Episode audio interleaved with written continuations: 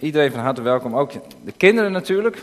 Want ik heb jullie straks een bijzondere taak heb ik voor jullie. Wilma is mee begonnen met de kaars aansteken.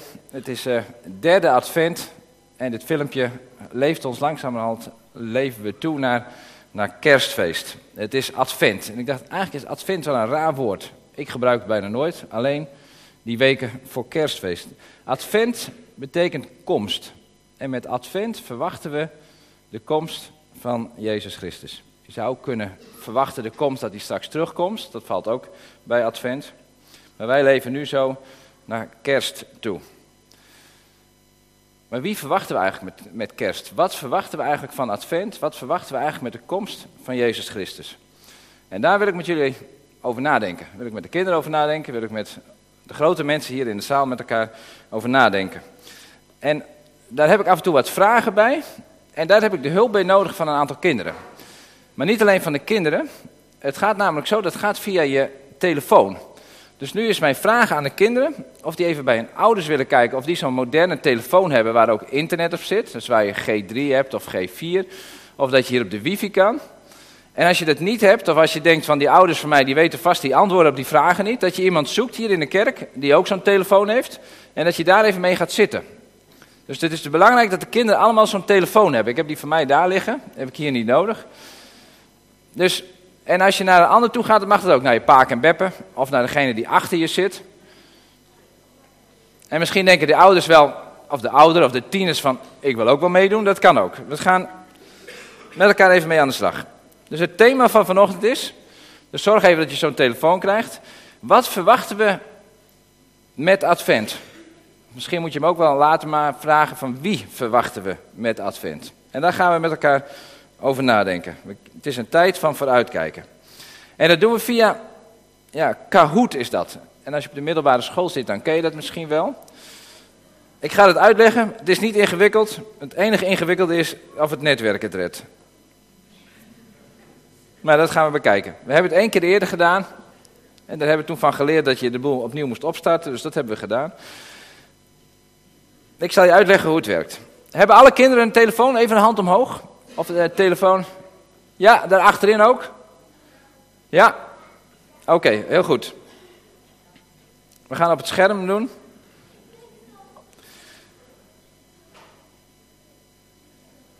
Dan ga je naar internet toe.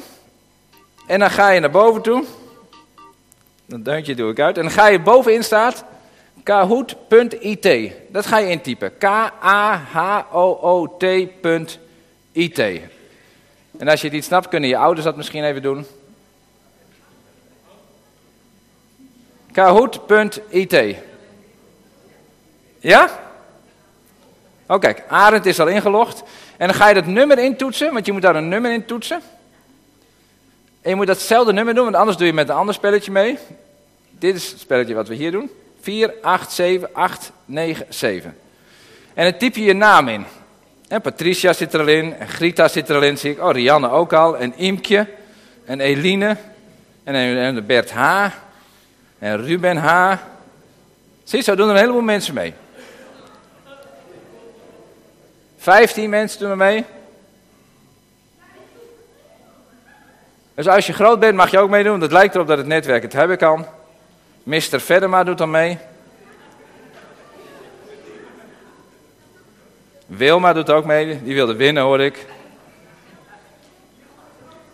23 mensen. 25. Jonathan, ah kijk. En Dop.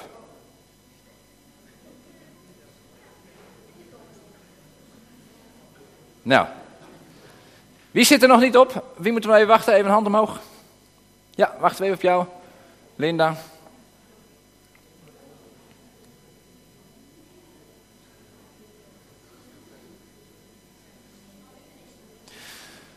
Ik ga een paar vragen stellen. Gedurende het hele verhaal. En af en toe vertel ik daar wat tussendoor. En misschien denk je, nou daar snap ik even niks van. Nou dat is ook goed, dan snap je dat misschien even niet. En dan komt er weer een nieuwe vraag. En daar heb je vast wel een antwoord op. Het zijn vragen waar de kinderen denk ik heel goed mee uit de voeten kunnen. Uh, maar we moeten natuurlijk eerst even testen of het wel werkt. Ja, dus ik heb eerst een hele belangrijke vraag, daar beginnen we dan mee. Oh, Willem doet ook mee, zie ik. Nou, dan moet het helemaal goed komen. 30 mensen. Ja? We gaan gewoon beginnen. Het gaat over Advent en je krijgt een vraag, daar mag je 30 seconden over nadenken. Bijvoorbeeld deze vraag: Hoe oud is Willem Boorsma? Nou, dat kun je raden. Dat is die meneer in het midden, voor de goede orde.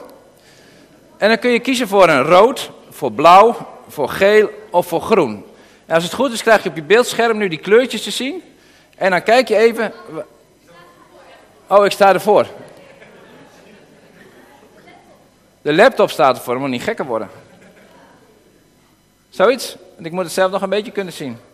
Ja, nee, dan kan ik niet doorklikken. Oké, iedereen moet kiezen. De tijd is voorbij. Aha, kijk, heel veel mensen hebben het goed.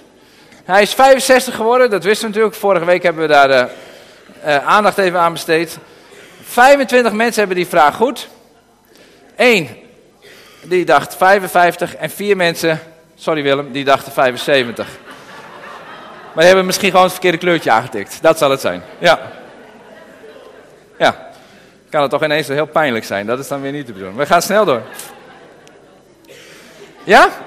Dit levert geen punten op. Dit was even om te proberen. De volgende keer kun je ook nog een beetje punten verdienen. En dan kunnen we kijken hoe dat gaat. De vraag. Hier is de volgende vraag. Hoeveel adventszondagen zijn er? En ook daar heb je weer 30 seconden voor. Zijn dat er 40, dan klik je de rode aan of het driehoekje. Of 12, of 7, of zijn het er 4?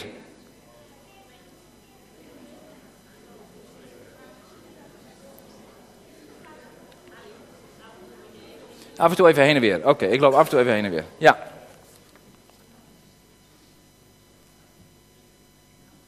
En als iedereen hem ingevuld heeft, gaat hij automatisch door, hè? Kijk even naar Elsa. Elsa weet hoe dit werkt. Ja. Oh, kijk eens aan. Dat is heel goed gegaan. Er zijn inderdaad vier adventszondagen, daarom hebben we ook vier kaarsen. En vier weken voor kerstfeest, dan steken we er één aan en dan weer één en weer één. En volgende week, dan is het de laatste zondag voor, uh, voor kerst. Dat is de laatste zondag, adventszondag. En dan vervolgens is het kerstfeest. De Joden, die zaten eigenlijk ook al heel lang te wachten totdat Jezus zou komen. Dus die hadden niet alleen vier weken voor die tijd, maar die zaten misschien wel 500 jaar te wachten tot Jezus zou komen. En als wij met elkaar na gaan denken van wat verwachten wij met Advent, wie verwachten we met Advent, dacht ik, wat zou het goed zijn om even terug te kijken naar waar de Joden op zaten te wachten, waar de Israëlieten op zaten te wachten in de tijd van Jezus. Die zaten ook vol verwachting, die zaten te wachten op de komst van de Messias, tot Jezus zou komen. En om goed te begrijpen hoe de Joden zaten te wachten, waar ze op zaten te wachten, moeten we eigenlijk terug naar het Oude Testament. Naar nog weer die 500 jaar terug, misschien wel 1000 jaar terug. En als we begrijpen waar de Joden op zaten te wachten, dan denk ik dat wij daar iets van kunnen leren over hoe wij kerst verwachten, hoe wij de komst van Jezus Christus verwachten. En daarvoor moeten we terug naar de koningen. En daar beginnen we. En nou is de vraag aan jullie: wie was de allereerste koning van de Joden. Wie was de eerste koning van het volk Israël? ik even, daar klik ik doorheen. Ik hoef die vraag helemaal niet. Oh ja. Hoe heette de eerste koning van Israël? En dan heb je drie mogelijkheden. En ik kan je één ding verklappen. Hij begint met de letter S. Is dat Salomo? Is dat Saulus? Is dat Saul? Of is dat misschien wel Simson? Ik moet een beetje lopen, anders kun je het niet zien. Dus Wie was de allereerste koning? Nog zeven seconden, snel je keuze maken. En het goede antwoord is Saul. Sommigen dachten dat het Salomo was, die komt straks nog. Saulus was het niet en Simson was het ook niet. Dus Saul was het goede antwoord. Want de mensen, de Israëlieten, die wilden graag een koning hebben. Ze hadden wel richters, allemaal rechters en leiders van het volk. Maar de volken om hen heen, die hadden ook allemaal een koning. En toen zeiden de Israëlieten, zeiden wij willen ook een koning hebben. En dan gingen ze naar God toe en zeiden ze, heer, wij willen een koning. En toen heeft God een koning aangewezen, koning Saul. En hoewel Saul in het begin wel heel erg zijn best deed, deed hij het eigenlijk helemaal niet goed. ging het fout. Hij ging helemaal niet naar God luisteren. Hij wilde alleen maar een grote, stoere koning zijn, veel mensen veroveren. Hij, wilde, hij was geen goede koning. Hij luisterde niet naar God. En toen zei God: Dit is geen goede keus geweest. Dit hadden we niet moeten doen. Ik ga een andere koning doen. Niet de zoon van Saul, maar ik ga een hele andere koning zoeken. En dat was koning David. Koning David, die eerst nog herder was in het veld van Bethlehem. Goed onthouden, hij was in het veld van Bethlehem, was die herder. En daar kwam Samuel, die kwam hem, heeft hem tot koning uh. En het duurde daarna wel een hele tijd voordat hij koning werd. Maar toen werd David koning. En David was ook een hele goede koning. Hij was een hele goede koning. Hij maakte ook fouten en soms ging het ook echt goed mis. Maar hij was ook een goede koning. Hij wilde God dienen. Hij wilde God volgen. En wat hij ook deed, hij veroverde de stad Jeruzalem weer. Zodat daar later de tempel weer gebouwd kon worden. En hij maakte het volk, het rijk maakte hij weer groot. Er waren heel veel andere volkeren en die volkeren heeft hij weggejaagd. Hij was een hele goede militair, zou je kunnen zeggen. Hij had een heel groot leger. En zo maakte hij het land weer, uh, weer groot. En werd het een heel groot rijk, het rijk van David. En dat kwam omdat hij veel op God vertrouwde. En nogmaals, hij ging het ook fout en aan het eind ging het ook niet helemaal goed. Maar hij bleef wel voor altijd een goed voorbeeld. En toen David doodging, toen kwam er een nieuwe koning. En dat was een koning Salomo. Nou, dat was die andere koning die we net uh, in dit rijtje zagen. Dus dat was de derde koning. Dat was koning Salomo. En nu ga ik nog een paar vragen stellen, want ik wil een, een nieuw woord aan jullie leren. Even kijken, we moeten eerst even kijken wie er bovenaan staat. Dat is een ene Bert H. is dat. Die heeft al 2000 punten. Nou, zo gaan we rustig door. Ik wil een nieuw woord leren en dat is shalom. Wat betekent het woord shalom? Als iemand tegen jou zegt shalom, wat is dat dan? Doe een shalom, het is koud. Of je moet shalommen over straat. Of ik wens je vrede toe. Of iemand is heel boos op je. Wat ga je kiezen?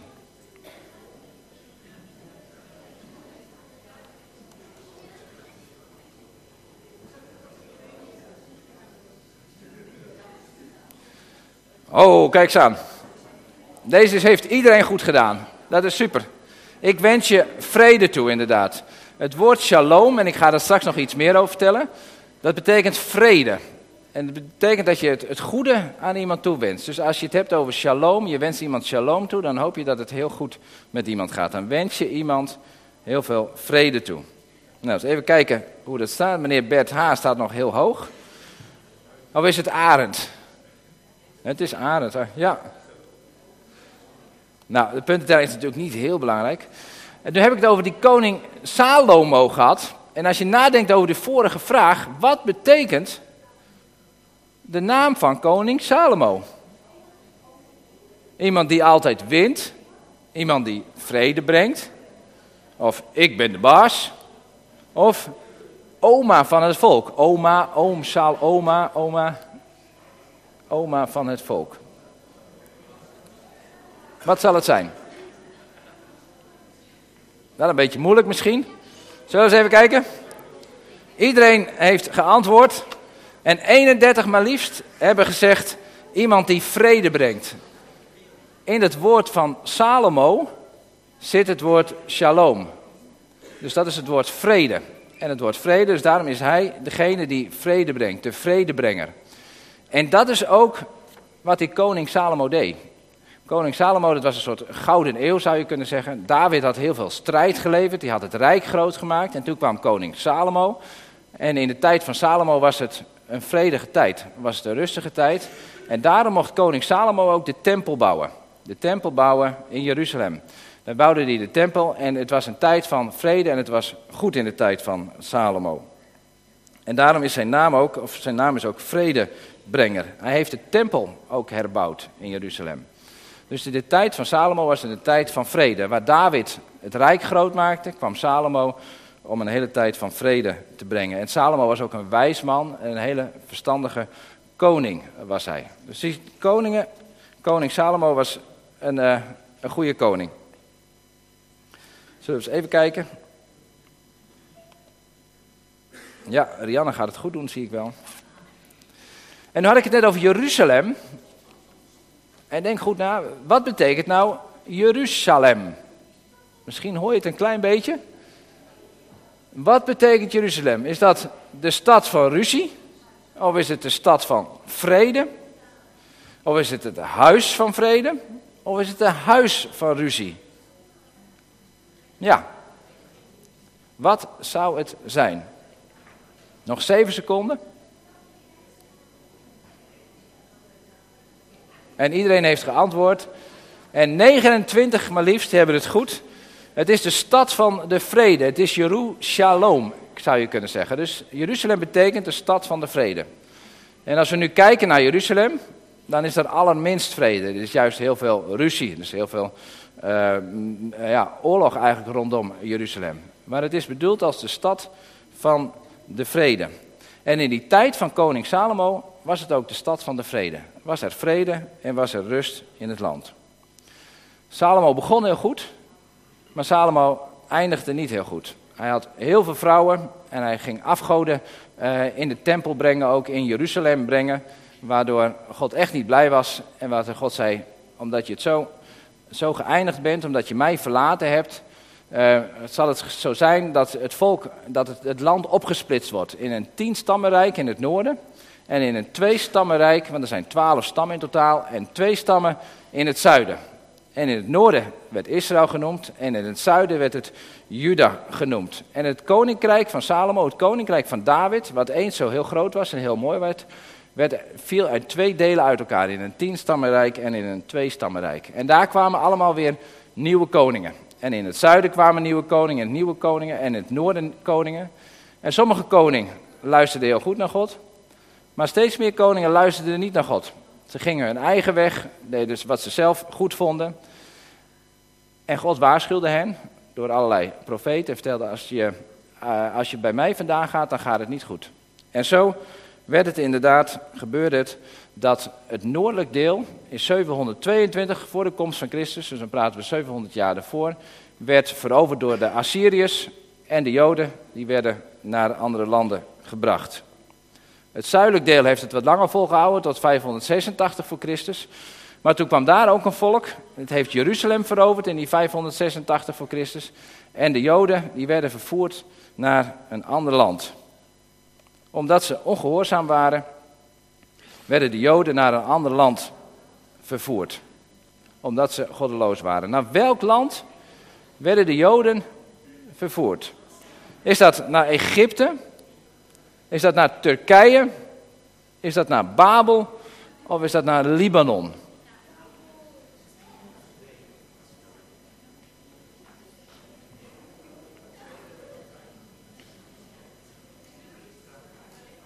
Egypte, Turkije, Babel of Libanon? Ik ben heel benieuwd naar de antwoorden. Hier zie je dat er een beetje een verdeling is, of is er sowieso een verdeling. Sommige mensen denken dat het naar Egypte is. En anderen denken dat het naar Babel is. En Babel is het goede antwoord. Het volk Israël is in de tijd van Abraham. Uh, is, nou, dit was eerder, ik zal het niet helemaal uitleggen. Het is eerder in Egypte geweest. Toen is het volk via de Sinai-woestijn naar Canaan gegaan. Toen zijn die koningen gekomen. En omdat de koningen afdwaalden van God, heeft God ervoor gezorgd dat, de, nou, dan kregen ze de straf en zo zijn ze door het volk van Babel, zijn ze, zijn ze naar Babel gegaan, door de Babyloniërs, zijn ze uiteindelijk, hebben ze 70 jaar in Babel gezeten. Dus Babel is het goede antwoord. Dus toen hadden ze geen koningen meer, want de koning van Babel, die was hun baas. En ze waren niet meer in hun eigen land, maar in een land heel ver weg. Daar waren ze 70 jaar. Wat zullen ze spijt hebben gehad van wat ze gedaan hebben. Want zo ver weg dachten ze, joh, dit is niet goed. Iemand anders is de baas, wij moeten doen wat andere mensen nu van ons vragen. Hadden we nu maar een goede koning, hadden we nu maar naar God geluisterd.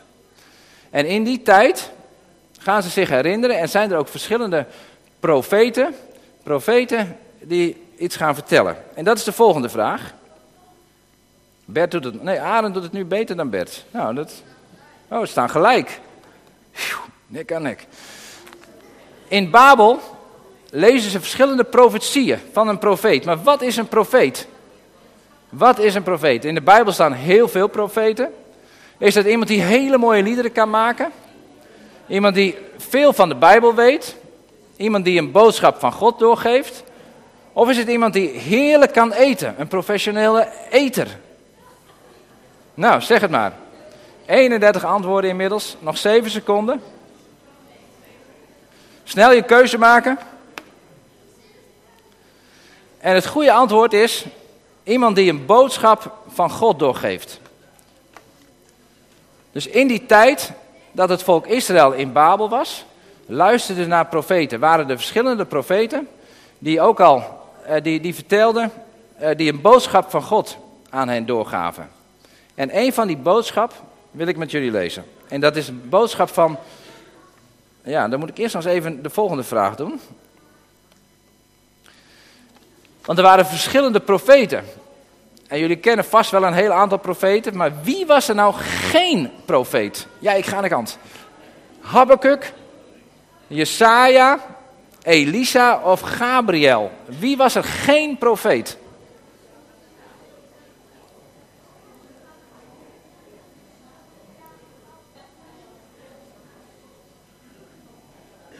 Ah, kijk aan. 28 mensen zeggen, Gabriel was geen profeet. Dat klopt. Gabriel was een engel en die was geen profeet. Jesaja, Habakkuk en Elisa waren wel profeten. En een van die profeten, Jesaja, die krijgt een boodschap van God wanneer dat volk in Babel zit. En het volk denkt, joh, wat zijn wij ver weg van het beloofde land. En die geeft een boodschap van God door. En dat wil ik met jullie lezen. Ik even mijn Bijbel pakken. En dat deel lezen we ook heel vaak met kerstfeest. Dus dat volk is ver weg en Jesaja mag een boodschap van God doorgeven. En dan ga ik een paar versen lezen uit Jesaja 9, vers 1 tot en met 7.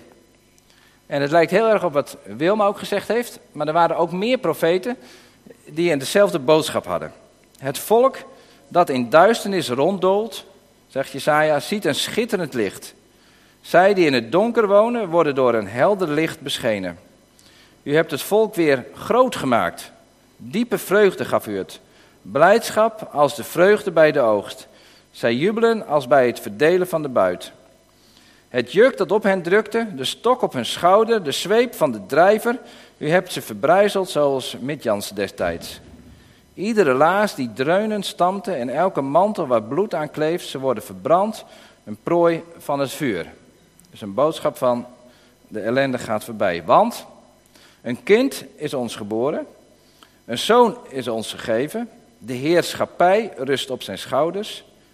En deze namen zal hij dragen: wonderbare raadsman, goddelijke held, eeuwige vader, vredevorst. Groot is zijn heerschappij, aan de vrede zal geen eind komen. Davids troon en rijk zijn erop gebouwd. Ze staan vast in recht en gerechtigheid, van nu tot in eeuwigheid. Daarvoor zal hij zich beijveren, de Heer van de hemelse machten. Nou, best een beetje ingewikkelde tekst, snap ik zo. Dat bij de kinderclub doen we dat misschien net een beetje anders. Maar waar komt het op neer? De Jesaja die heeft een boodschap van God. En eigenlijk komt die boodschap hierop neer. Jullie leven nu in een hele moeilijke tijd. Er is iemand anders koning over jullie. Je had eerst je eigen koning, maar nu is iemand anders koning. En die vraagt dingen van je die je misschien helemaal niet wil. Je leeft niet meer in je eigen land. Je leeft in een heel ander land. Maar er wordt een kind geboren. Er wordt iemand geboren straks. In de toekomst gaat er iemand komen. En die gaat koning worden. Die gaat koning worden, net zoals David koning was. Net zoals Salomo koning was. En die zal koning zijn. En die zal voor altijd koning zijn, staat in het stukje. Dus niet alleen 30 jaar of 40 jaar, maar die zal altijd koning blijven. Dus Jesaja heeft hele mooie woorden voor het volk dat in duisternis is, wat verdrietig is en wat het moeilijk heeft. Er komt een koning, kijk er naar uit. Het duurt misschien even, maar hij gaat komen. Die koning gaat komen. En, wat, en die koning heeft verschillende titels. En een van die titels, die ga ik even speciaal noemen. Dat is de titel dat hij ook een vredevorst is. Dat hij de koning van de vrede is. Dus dat hij alles weet van vrede en dat hij vrede gaat brengen. En dan kom ik eigenlijk weer bij het woord uit wat, ik, wat we net even geleerd hebben. Dat woord van shalom. Dat woord shalom wat vrede betekent. En als wij aan vrede denken, dan denken we heel vaak, er is geen oorlog. In Syrië is oorlog en wij leven hier in vrede. Maar het woord shalom betekent veel meer dan alleen maar dat er geen oorlog is. Het woord shalom betekent, ja, eigenlijk betekent heel of compleet, betekent voltooien. Het betekent dat het weer helemaal goed is. Dat de schepping helemaal af is, zo zou je het kunnen zeggen. Dat, er, dat het goed gaat met je. Dat je gezondheid hebt, dat je in veiligheid leeft.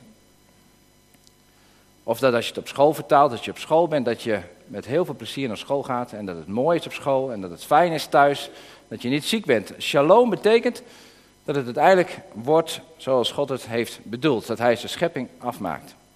En hij is de koning van de vrede. En als je het hebt over shalom en je denkt erover door, dan denk je dat lijkt de hemel op aarde wel. En dat is het ook. Want diezelfde Jesaja, die profeet Jesaja heeft veel meer gezegd. En als je naar Jesaja 66 gaat, dan heeft Jesaja het ook nog over het einde van alle tijd, wanneer Jezus terugkomt en de hemel op deze aarde zal zijn en het helemaal overal shalom zal zijn. Nou, zover is het nog niet, maar ook daarin zijn we in advent. Ook daarin mogen we de komst van Jezus verwachten, dat hij het uiteindelijk allemaal goed en mooi en helemaal veilig zal maken. Dus die mensen in Babel, die krijgen een boodschap van God. Er komt een koning die voor altijd koning is en hij komt vrede brengen. Er komt vrede, hij is de koning van de vrede. Uiteindelijk komen de mensen terug, de Joden terug in Israël na 70 jaar. En dan zijn er toch wel weer andere volken die hen onderdrukken. En dan gaan we heel snel door de tijd heen. En dan zijn er nog andere volken die de baas over hen zijn, ook in de tijd dat Jezus daar was. En dan gaan we een sprongetje maken naar de tijd van Jezus. En dan ga ik je nog één vraag stellen, nog twee vragen stellen. Wie waren in Israël de baas toen Jezus geboren werd? Dus toen hadden ze ook geen eigen koning. Waren dat de Romeinen? De Egyptenaren? Of misschien wel de Groningers? Of de Joden zelf? Waren die eigenlijk zelf de baas? De Romeinen, de Egyptenaren, de Groningers of de Joden? Ik zou zeggen, maak een keuze en kijk goed naar het plaatje van Asterix en Obelix erboven. De Romeinen. Kijk eens aan. Ja. Dat had bijna iedereen goed. En dat klopt. De Romeinen waren toen in die tijd de baas. En de Joden, die hadden nog steeds goed geluisterd naar die boodschap van Jesaja. Van er komt een koning en die gaat vrede brengen. En ook rond die tijd was die verwachting er nog steeds. Misschien hebben wel een aantal mensen gedacht, dit heeft 500 jaar geduurd. Dat zal wel niet meer gebeuren. Ik geef het op. Maar er waren ook een heleboel Joden die het niet opgaven. Want die wisten wat Micha had verteld, wat Jesaja had verteld en wat de andere profeten hadden verteld. Dat gaat gebeuren. En zij dachten, nou komt zometeen de Messias, de redder van de wereld. Want zo, heet, zo, noemde Jesaja hem. Dan gaan alle Romeinen het land uit en dan zijn wij weer de baas. En dan gaan we hier vrede maken, net zoals koning Salomo dat gedaan heeft. Maar dat werd wel anders. Dat werd anders dan dat ze gedacht hadden. Het was anders dan ze gedacht hadden. Jezus kwam niet als een grote militair, zoals David dat was, om het land weer groot te maken en de vijanden het land uit te jagen. Maar Jezus kwam heel anders. Dus wat zij verwachten, kwam niet uit met wat, uh, wat ze in hun hoofd hadden. Wat gebeurde? Er gebeurde anders dan dat ze het in hun hoofd hadden. Jezus werd niet geboren in een paleis, maar hij werd in een stal geboren. Hij joeg niet alle Filistijnen, alle Romeinen het land uit. Nee, dat ging op een hele andere manier. En dan komen we uit bij de vraag die we aan het begin aan onszelf gesteld hebben. Wat verwachten wij van de komst van Jezus? Heb ik nog één vraag? En Arend doet het heel goed, zie ik. Waar werd koning Jezus geboren? En ook hier heb je weer mogelijkheden. Laat je inspireren door het plaatje daarboven. Is dat in Jeruzalem? waar de koningen geboren zouden kunnen worden. In Bethlehem, in Sion, of werd hij geboren in Amsterdam, of all places? Denk goed na. Ja, dit had iedereen goed. Dit is natuurlijk wel super. In Bethlehem. Ja, vlakbij Bethlehem, in de stal, werd hij geboren. Dan gaan we even kijken naar de, naar de eindstand. Nou, het is wel heel close. Ik zie dat iedereen heel veel punten heeft. Maar dat Arend net erboven was. Arend, gefeliciteerd. Jij hebt gewonnen. Maar het ging natuurlijk niet echt om het winnen. Maar het ging erom wat, je, wat, je, wat voor kennis je erover hebt. En Mr. Venema, wat heeft hij? Een maximum. Die heeft ze alle tien goed. Moet ik het zo zien? Ja, zo moet ik het zien. Dit is alweer nieuw voor mij. Dat snap ik dan ook niet. Maar dat. Uh... Oké, dit waren de vragen. Maar de vraag aan ons, en dat is eigenlijk de laatste vraag: van wat verwachten wij met kerst? Wat verwachten wij van de komst van Jezus? De Joden, die dachten er komt een grote koning. En die gaat de Romeinen het land uitjagen. Die gaat al onze problemen oplossen. En toen dacht ik, hoe kijk ik dan uit naar de komst van Jezus? Denk ik ook dat als ik Jezus uitnodig in mijn leven, dat Jezus komt, dat hij dan ook al mijn problemen oplost. Dat hij al mijn grote problemen, die ik ook heb, kleine en grote problemen, wat zou het mooi zijn als Jezus het allemaal oplost. Maar Jezus komt niet om die Romeinen uit het land te jagen, maar Jezus komt als koning. Hij komt niet in de eerste plaats om al mijn problemen op te lossen, want mijn problemen zijn er nog en ik heb Jezus al uitgenodigd. Maar het eerste wat hij komt doen is dat hij zegt, ik ben koning. En wat we daarvan mogen leren, is dat Jezus de koning is. En hij is de koning van zijn koninkrijk. Met de komst van Jezus, straks met kerst, en waar we daar aan denken, 2000 jaar geleden, om het maar even zo te zeggen, is Jezus gekomen om zijn rijk te vestigen. Om het koninkrijk van God te vestigen. En zoals de Bijbel in gewone taal het ook mooi zegt, hij is gekomen om de nieuwe wereld vorm te geven. Om de nieuwe wereld te brengen. Dat is wat Jesaja heeft beloofd. Er komt een koning die een nieuw rijk zal brengen. En daarom is voor ons het koninkrijk van God ook zo belangrijk. Jezus kwam en hij startte het koninkrijk van God. Gebaseerd op het, de koningen David en Salomo. In de eerste plaats mogen we dat weten, dat hij de koning van is. En dat hij een eeuwige koning is. En dat hij eeuwige koning is, dat betekent ook dat hij nu nog steeds koning is. Hij is de koning van zijn rijk, van het koninkrijk van God. In de tweede plaats kwam hij om shalom te brengen. Kwam hij om vrede te brengen. En toen Jezus geboren werd in die stal, toen kwamen de engelen al en die zongen het al. Vrede op aarde, in de mensen het welbehagen. Dus hij kwam vrede brengen. De koning, die eeuwig koning is, komt vrede brengen. En als je leest in Johannes 14, dan heeft hij, praat hij ook met, met zijn discipelen. En dan zegt hij ook, ik geef jullie vrede. Ik geef jullie de shalom. Ik geef jullie de vrede staat in Johannes 14, vers 27, wil hij ons zijn vrede doorgeven.